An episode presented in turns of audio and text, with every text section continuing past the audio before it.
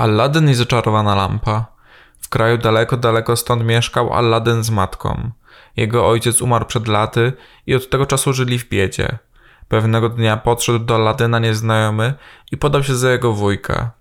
Młody chłopak mu zawierzył, a czarownik, ponieważ właśnie tym był nieznajomy, podarował mu piękne ubrania i dary. Po pewnym czasie wziął Aladyna w góry. Chciał pokazać mu coś magicznego. Rozpalili ogień, a czarownik wyrzucił trochę proszku do ognia i zaczął wymawiać zaklęcia. Ziemia zaczęła się trząść i pojawił się płaski kamień. Pod kamieniem leży skarb i czeka na ciebie, Aladynie, ale musisz mnie słuchać.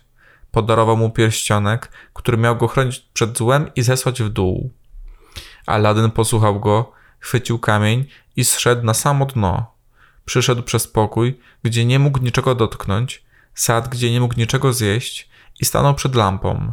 Wziął ją i zaczął wracać, ale zanim zdołał wyjść, czarownik zażądał, aby oddał mu lampę. Aladyn się nie zgodził, a czarownik się zdenerwował i zamknął go w jaskini. Aladdin łkał w ciemności. W pewnym momencie przypadkowo pogłaskał lampę i nagle pojawił się dżin. Wydostał Aladyna z jaskini, a chłopak uciekł do domu tak szybko jak tylko mógł. Zauważył tam, że zebrane owoce zamieniły się w kamienie szlachetne. Chłopak chciał sprzedać lampę, więc chciał ją porządnie wyczyścić. Po potarciu jej kilka razy pojawił się Jean. Co mogę dla ciebie zrobić? zapytał Jean. Twoje życzenie jest dla mnie rozkazem. Aladdin zrozumiał moc, jaką dawało mu posiadanie lampy i chciał ją dobrze wykorzystać, żeby on i matka już nigdy więcej nie musieli żyć w biedzie. Po kilku szczęśliwych latach Aladdin ujrzał córkę sułtana. Zakochał się w niej i postanowił ją poślubić. Wysłał swą matkę do pałacu, żeby porozmawiała z sułtanem. Wzięła ze sobą magiczny owoc i wracała tyle razy, ile wymaga tego sułtan. Po obejrzeniu kamieni, sułtan zgodził się na małżeństwo. Miało się odbyć jednak dopiero po trzech miesiącach. Kiedy Aladdin oczekiwał ślubu, minister sułtana przekonał go, by wydał córkę za jego syna. Kiedy Aladdin się o tym dowiedział, bardzo się zdenerwował. Użył lampy, by podzielić parę. Udało mu się i po okresie trzech miesięcy powrócił do pałacu. Sultan ponownie się zgodził, ale zażądał wyższej ceny. Oczywiście dzięki magicznej lampie Aladdin mógł sobie pozwolić na to, by zbudować księżniczce piękny pałac.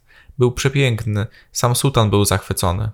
Przez wiele lat Aladdin żył szczęśliwie z księżniczką w pałacu. Wszyscy ich uwielbiali, bo Aladdin był miły dla każdego. Czarownik usłyszał o nowym życiu Aladyna i chciał sam zobaczyć magiczną lampę. Dostał się do pałacu Aladyna i kiedy ten był na polowaniu, skradł jego lampę. Powiedział: Weź mnie, ten pałac i księżniczkę w odległe miejsce, daleko stąd. Kiedy Aladdin powrócił do domu, pałacu jego księżniczki nie było.